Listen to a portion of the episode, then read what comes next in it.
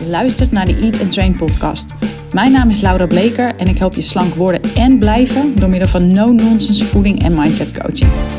Laten we afscheid gaan nemen van je dieet mindset, zodat je trots op je lijf wordt en rust in je hoofd krijgt. Let's go!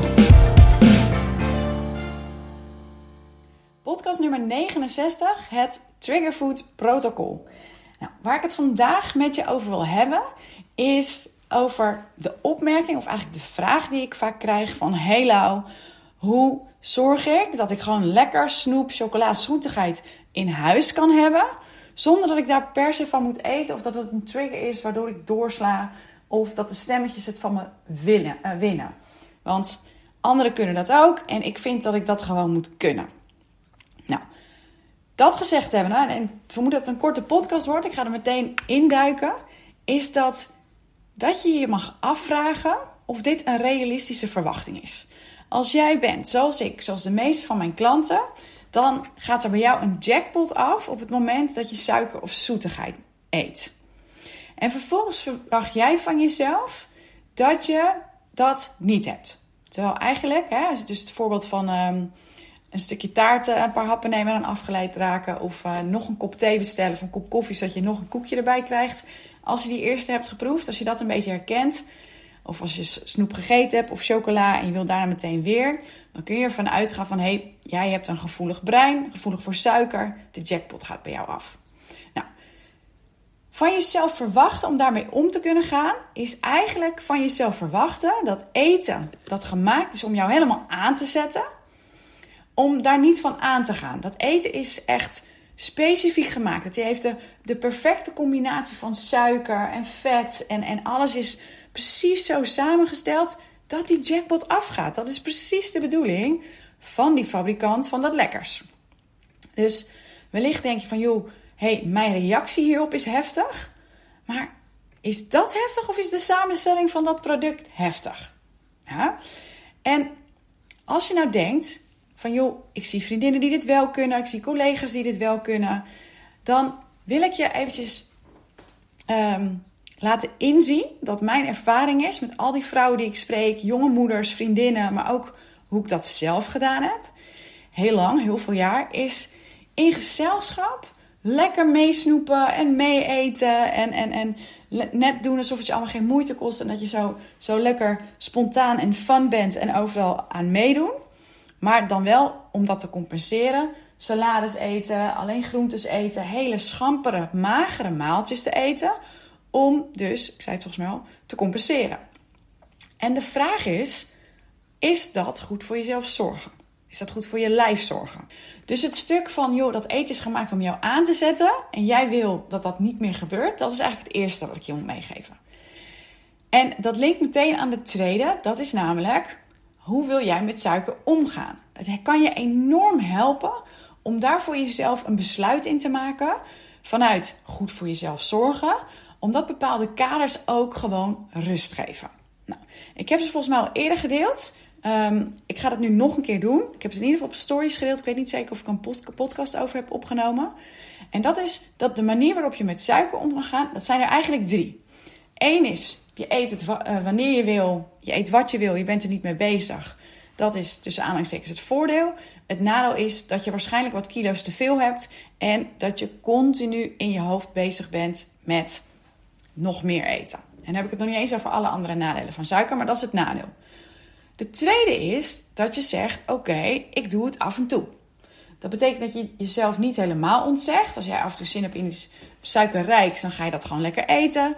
Maar hierbij kies je dus bewust ook voor het ongemak dat zodra je iets zoets gegeten hebt, dat je meer wil en dat je dat dan dus niet doet, omdat je maat aan het houden bent. Dus het voordeel is dat je het wel nog af en toe eet. Het nadeel is dat je dan elke keer nadat je, nadat je dat gedaan hebt, dat je moet dealen met het ongemak van meer willen. Of dezelfde dag nog, meteen, een paar uur later. En soms zelfs nog de volgende dag of de dag erna. Punt 3 is, of optie 3 is, dat je het helemaal schrapt uit je nou, dieet wil ik bijna zeggen, uh, uit je leven.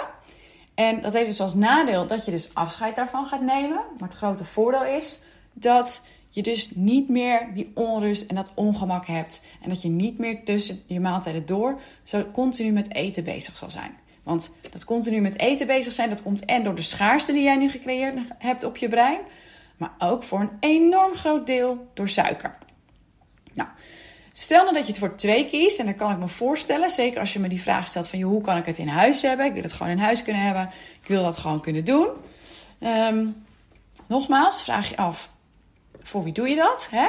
Maar stel dus dat je voor optie 2 kiest. En, kleine kanttekening, steeds meer klanten van mij kiezen voor optie 3. En ik moet zeggen dat ik sinds een tijdje, maar dit daar gelaten, als je die podcast ook geluisterd hebt, ook suiker zoveel mogelijk links laat liggen. Want nogmaals, die rust in je hoofd rondom eten wordt gecreëerd door spanning en schaarste weg te nemen. Dus met jezelf de harde afspraak te maken dat je mag eten wanneer je honger hebt. Maar als je nog geregeld suiker eet en dus suikerdips en dus ook suikercravings hebt, dan zul je tussendoor dus dat ongemak moeten doorstaan. Nou, het is zo heerlijk als dat er niet is. Die rust van hé hey joh, ik ga gewoon naar mijn volgende maaltijd, ik eet weer wanneer ik honger krijg. Die rust is onbetaalbaar. En um, nou ja, die afspraak maken van hey, ik eet wanneer ik honger heb, helpt daarbij, maar suiker dus ook. Dus doe daar even mee wat je wil. Maar mijn advies is dat als er eten is waarvan je weet dat is niet veilig bij mij in de buurt, vraag jezelf dan af of je dat echt in je buurt wil hebben. Waarschijnlijk, als je er dus echt even bij stil gaat staan, verliest het zijn kracht als je echt realiseert, als je echt realiseert van wat doet dit met me? Welk effect heeft het? En wil ik dat effect? En als je je dus niet bij stilstaat, kies je dus onbewust ook voor dat effect. Nou, mocht je gewoon af en toe iets lekkers willen, of met een gezin wonen die erop staat, uh, huisgenoten die erop staan dat bepaald eten dat voor jou een trigger is in huis is. Of je denkt, nou, ik vind het gewoon leuk om mezelf te kwellen. nee, dat is een grapje. Um, maar je wilt toch per se, om welke reden dan ook, dat lekkers in huis kunnen hebben. Dan kun je dat doen met mijn Trigger Food protocol. En dit heb ik eh, eigenlijk, uh, nou, dit is al jaren geleden heb ik dit, uh, dit bedacht. Maar ja, het, het, is in sommige gevallen nog steeds van toepassing. En het bestaat uit vier stappen. En die eerste stap is elimineren. Ja, dus dat betekent dat er eerst toch een fase moet zijn waarbij je dat eten, waarvan jij, als je er een hap van neemt, eigenlijk een beetje doorslaat dat je dat in eerste instantie elimineert. Ja? En als we het toch over spanning en schaarste hebben, dat betekent dus niet van ik mag dit nooit meer eten, maar ik kies ervoor om dit nu korte tijd even niet te eten, om mezelf zo wat rust te geven.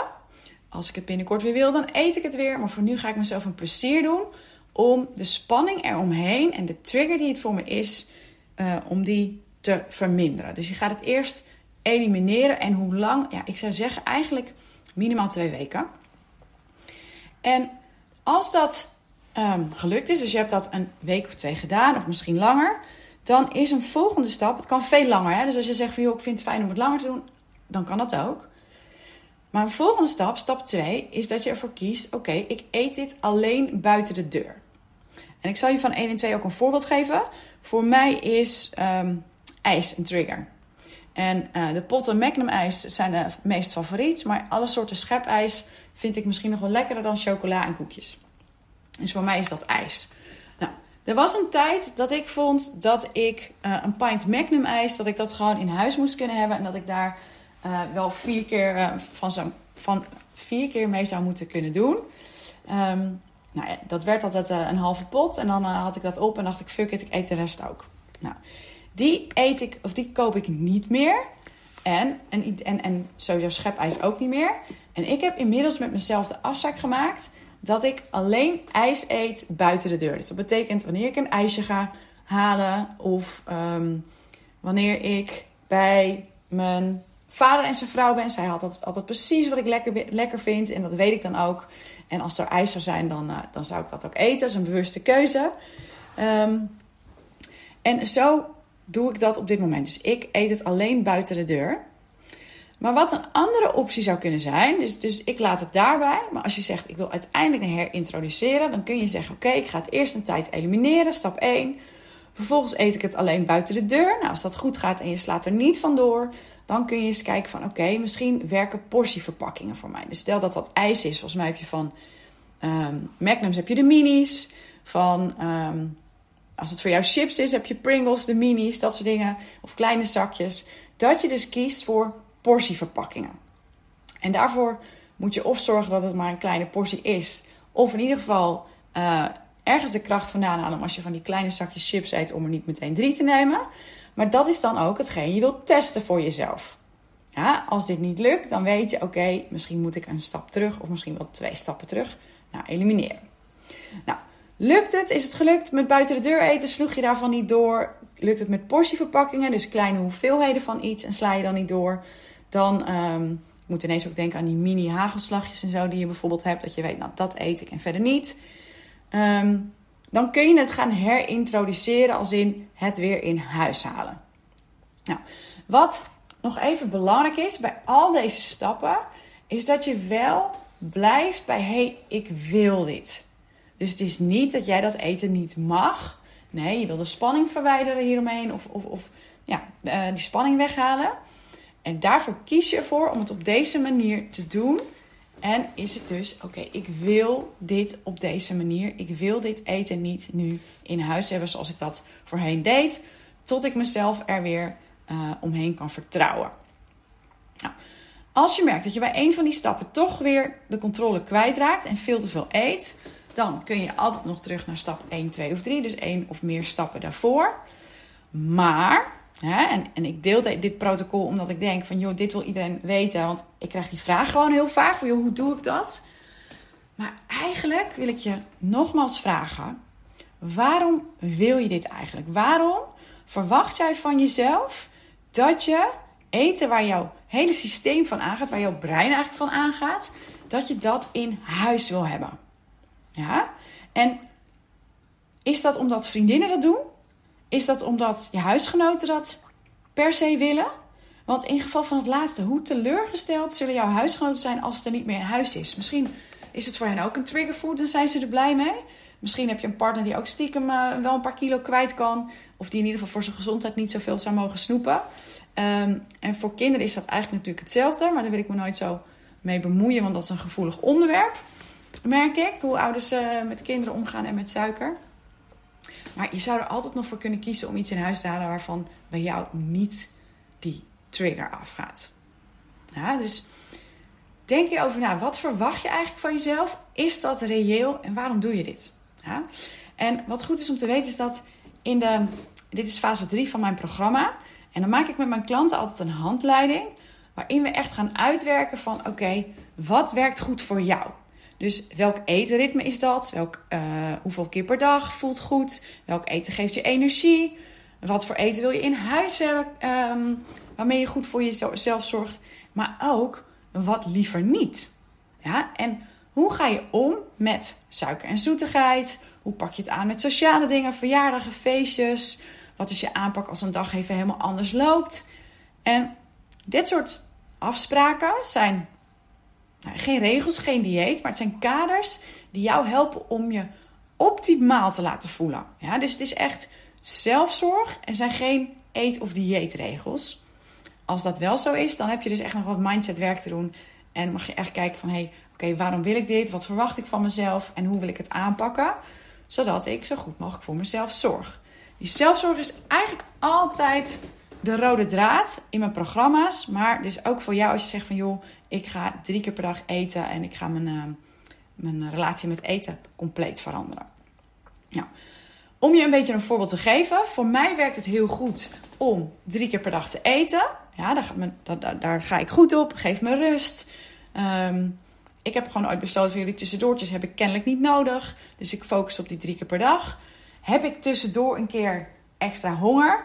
Dan eet ik uiteraard iets. Voor vandaag was ik, ik had vanochtend, het is woensdag dat ik dit opneem, dan doe ik altijd mijn rondje hardlopen. En ik merkte dat ik om half twaalf, wat voor mij best wel vroeg is, echt al goed trek had. Ja, dan ga ik gewoon eten. En als dat betekent dat ik dus vanmiddag om drie, vier uur toch ook nog trek heb, dan eet ik ook iets. En dan kijk ik gewoon van, joh, is er iets kleins dat ik kan nemen, zodat ik niet, als ik vanavond met mijn vriend eet, dan geen honger heb. Ja, dus ja, je luistert naar je lijf, maar het is niet zo dat er helemaal niet wat... Um, wat logisch verstand eh, bij komt kijken. Nou, verder heb ik bijvoorbeeld altijd gezond eten in huis waarvan ik blij word. Dus ik hou één keer per week een enorme berg groenten. Dan kom ik echt met twee. Dan ga ik ook speciaal voor naar de Dirk van de Broek. Meestal ben ik een, eh, een Albert Heijn gaander. dan ga ik naar Dirk van den Broek en dan haal ik echt twee tassen met groenten. Waarvan ik dan echt op dat moment nog geen idee heb wat ik ermee moet. En dat maakt dat ik altijd een soepje kan maken of altijd een plaat met groenten kan roosteren. Zie je als je me op Instagram volgt, dat ik geregeld voorbij kan. Nou, daar doe ik dan een beetje tahini dressing over en dan iets erbij naar keuze. Um, couscous of wat rijst of wat dan ook. Of soms niet. En dan eet ik gewoon lekker die hele schaal met groenten in mijn eentje op. Nou, en gelukkig uh, kun je me niet maken, vind ik gewoon echt heel lekker. Maar dat in huis hebben maakt ook de verleiding om iets te bestellen of om iets ongezonds te eten veel kleiner. En omdat ik weet dat ik het super lekker vind, is het ook van hé, hey, ik kan nu wel gaan lopen snacken. Althans, dit, dit heb ik inmiddels niet meer, maar dit is wel waar ik doorheen gekomen ben en waar veel van mijn klanten ook tegenaan lopen. Is dat je dus bijvoorbeeld tussen lunch en avondeten zin krijgt om te snacken. Bijvoorbeeld omdat het einde van de dag, je bent een beetje moe. Of je komt uit werk en je hebt jezelf een soort van aangeleerd van... hey, in de switch van werk naar privé-modus ga ik nog even wat eten. Als je dan weet van, joh, ik heb eigenlijk niet fysiek trek... en ik ga straks iets heel lekkers eten... dan wordt het ook veel makkelijker om te denken van... hé, hey, ik heb helemaal geen honger. Ik wil gewoon eventjes van, dit is voor de overgang... Uh, van bijvoorbeeld werk en thuis... of ik ben gewoon moe. Dan kun je iets doen wat jou wel helpt bij die overgang, bij ontspannen of iets wat jou energie geeft om het werk nog even aan te pakken. Ehm, zonder te eten, omdat je weet, hé, hey, er komt straks gewoon echt iets heel lekkers. Nou, verder heb ik bijvoorbeeld ook, en, en, en ik, er zijn dingen die, dit, dit deel ik met je, zodat je kan denken van, oké, wat werkt voor mij? Misschien neem je over wat ik doe, maar ik denk dat als je er even bij stilstaat, dat je ook wel weet van, hé, hey, wat werkt goed voor jou? En als je dat weet, doe daar dan meer van. Nou, dus die, die, die, die groenten in huis heb ik altijd. Ik heb ook altijd de ingrediënten voor een lekker ontbijt in huis dat me energie geeft. En als ik weet dat ik s'morgens te weinig tijd heb, dan, doe ik het, dan maak ik het de avond ervoor en dan zet ik het klaar. Maar voor mij persoonlijk, dus dat zou ook in mijn handleiding staan, is random ergens een ontbijtje scoren onderweg. Weet je, een croissantje bij een koffietentje of bij een benzinestation. Ik hoef niet met de auto, hè, maar ik kan me voorstellen dat jij dat wel moet. Is geen optie. En ergens uh, met uh, hup hup haast haast een boterhammetje op de fiets. Of een, een, een, uh, iets kleins of iets groots doet er niet toe. Iets naar binnen proppen wanneer ik in de auto zit. Is voor mij geen optie. Ik wil die rust. Ik wil bewust eten. Ik wil proeven wat ik eet. Zodat ik ook voel wanneer ik verzadigd ben. En zodat ik ervan geniet. Zodat ik niet tussendoor denk dat, het, ja, dat eten niet meer een escape wordt om te genieten. Want dat doe ik bij elke maaltijd. Ja? Dus... Um, even daarover trouwens. Als het voor jou al een hele stap is, een hele stap meer zelfzorg dan hoe je het nu doet. Dus stel dat je type bent die nu een cappuccino drinkt om je honger te onderdrukken. En dan lekker doorbikkelen tot de lunch. En een uh, boterham met pindakaas in het vuistje in de auto is al een hele uh, grote stap. Dan, you go girl, doe dat dan. Hè? Het is kleine stapjes eerst. Als je van doorknallen en honger lijden naar een boterham met pindakaas in de auto gaat, dan is dat al vooruitgang. Maar kijk of je het echt een stuk bewuster kan doen. Oh, ik zit door mijn haar. Ik hoop trouwens niet dat je dat in de microfoon hoort. Um, verder heb ik bijvoorbeeld snoep eigenlijk nou sinds dit jaar helemaal niet meer in huis. En dat deed ik altijd wel. En ik kon het ook goed laten liggen. Ik haalde ook niet die dingen. Eh, weet je, als ik, ik had chocola in huis, maar ik haal, haal dan geen tonies, omdat ik weet dat is een trigger. Maar net even iets anders wat ik wel lekker vind. Maar wat niet um, uh, tot gevolg heeft dat ik de hele reep in zijn geheel wil opeten. Um, maar inmiddels uh, haal ik het gewoon eigenlijk niet meer in huis. En dat voelt niet als een restrictie, maar eigenlijk als ruimte en lichtheid. Want als ik echt iets wil, dan kan ik het altijd gaan halen. Maar het geeft dus, ik zei het al, ruimte om te bedenken van... hé, hey, wat wil ik echt? Ja, dus ik kan altijd naar de supermarkt of hier zit een snackbar met een enorme snoepcollectie ook uh, op een paar minuten lopen. Maar wat ik natuurlijk al heel dat weet, maar wat jij ook mag beseffen, is dat als je iets lekkers nu wil, dus echt nu nu, dan is het vaak je stemmetje, je oerbrein, die die trigger geeft. Dus eigenlijk een verzoek om dopamine of jou weghalen bij ongemak. En als je kan denken van, ah ja, lekker, daar heb ik heel veel zin in. En morgen of overmorgen dat eten zou ook nog goed zijn. Ja, dan weet je, oké, ik wil dit echt. En dan kun je er een bewust moment van maken. Kun je het eigenlijk een beetje soort van inplannen. En dan echt gaan genieten van elke hap. Nou, dat maakt meteen uh, het antwoord op een andere vraag die ik veel krijg. En dat is: hoe doe je het met lekkers? Dat is dan vooral een vraag die veel in de, in de, naar de masterclass wordt gesteld. Van ja joh, ik ga naar mijn hongergevoel luisteren. En als ik dan daartussen wil eten, dan, dan ga ik schrijven. Maar hoe doe ik het dan met lekkers? Nou, eigenlijk zoals ik nu eerder al vertelde. Dus door überhaupt te kijken, wil ik het echt? Ja, en als je dat helder voor jezelf hebt, ga het dan bewust doen. Of, nou ja, als je, als je die woorden wil gebruiken, door het een beetje te plannen. Als jij elke vrijdagavond chips eet omdat je hele gezin chips eet, dan, ja, dan kun je zeggen: dit is een bewuste keuze. Dat wil ik gewoon altijd doen op die vrijdag. Dat is een momentje en, en dat, uh, nou ja, dat wil ik blijven doen. Dan is dat sowieso jouw keuze, hè? een bewuste keuze. Um, je bent een volwassen vrouw, dus die kun je gewoon maken natuurlijk. Maar vaak heb je dan dat bakje allereerst in je hand, omdat je het kreeg of dat het een gewoonte was. Hè? Dus bijvoorbeeld man lief die, of vrouw lief die uh, maakt voor, uh, voor zichzelf, voor jou en voor de kids een bakje chips. En jij krijgt dat bakje in je hand geduwd, omdat dat altijd zo was en niemand erbij stilstaat. Maar dan is het ook B nog eens leeg voordat je het in de gaten had. En was het dan nou echt zo bewust? Heb je er echt zo van genoten? En maakte dat bakje chips het gezellig? Of was het het samen zijn met elkaar? Ja, dus vraag jezelf echt af van, joh, wil ik dit echt? Kijk ik hier naar uit? Of is dit mijn brein die het ineens een goed idee vindt? En, en dit vind ik altijd een mooie vraag, ben ik nadat ik dit eet ook nog blij? Of wil ik het nu, nu, nu, ik heb er nu zin in? En komt die vraag dus niet echt bij je gedachten vandaan? Of, of, uh, of sorry, komt die vraag bij je gedachten vandaan en niet bij je lijf? Ja, want dan heb je uit te zoeken van, hé, hey, wat is er eigenlijk echt aan de hand? Oké, nou, volgens mij ging, ik weet niet of het een heel logisch verhaal was zo, dus nog heel eventjes kort samengevat. Eerste is, jouw reactie op triggerfood is heel normaal. Ja, dus dat eten is precies bedoeld om jou zo aan te laten gaan. Om jouw suikerjackpot eh, te doen rinkelen. Ding, ding, ding, ding. Um, bedenk of jouw verwachtingen of de vraag van jezelf van... joh, ik wil dit gewoon in huis kunnen hebben... en ik wil dat ik hier, ik wil dit kunnen eten. Ik wil één koekje kunnen eten. En dan niet de rest van de rol willen. Ja, is dat reëel? En bedenk ook voor jezelf hoe, dus dat is punt 3... hoe wil je met suiker omgaan... en welk ongemak dat je daar gratis bij krijgt... wil je dan dus kiezen. En als je denkt, ik wil het toch per se in huis hebben, omdat je eigenwijs bent, omdat uh, man en kinderen, vrouw en kinderen precies dat willen waarvan jij uh, doorslaat. Of je bent is gewoon lekker dat je denkt, ik wil gewoon mezelf lekker kwellen. Dan kun je het triggerfood protocol toepassen. Nou, die stappen ga ik niet nog een keer uitleggen. Kun je altijd nog uh, even terugspoelen als je dat wil. Yes, dus dat was het voor vandaag. Het triggerfood protocol. Denk er even over na. Ik vind het altijd leuk uh, als je reacties met me deelt. En uh, als je denkt dat iemand anders dit mag horen, stuur de podcast dan vooral door. Dank voor het luisteren en tot later deze week.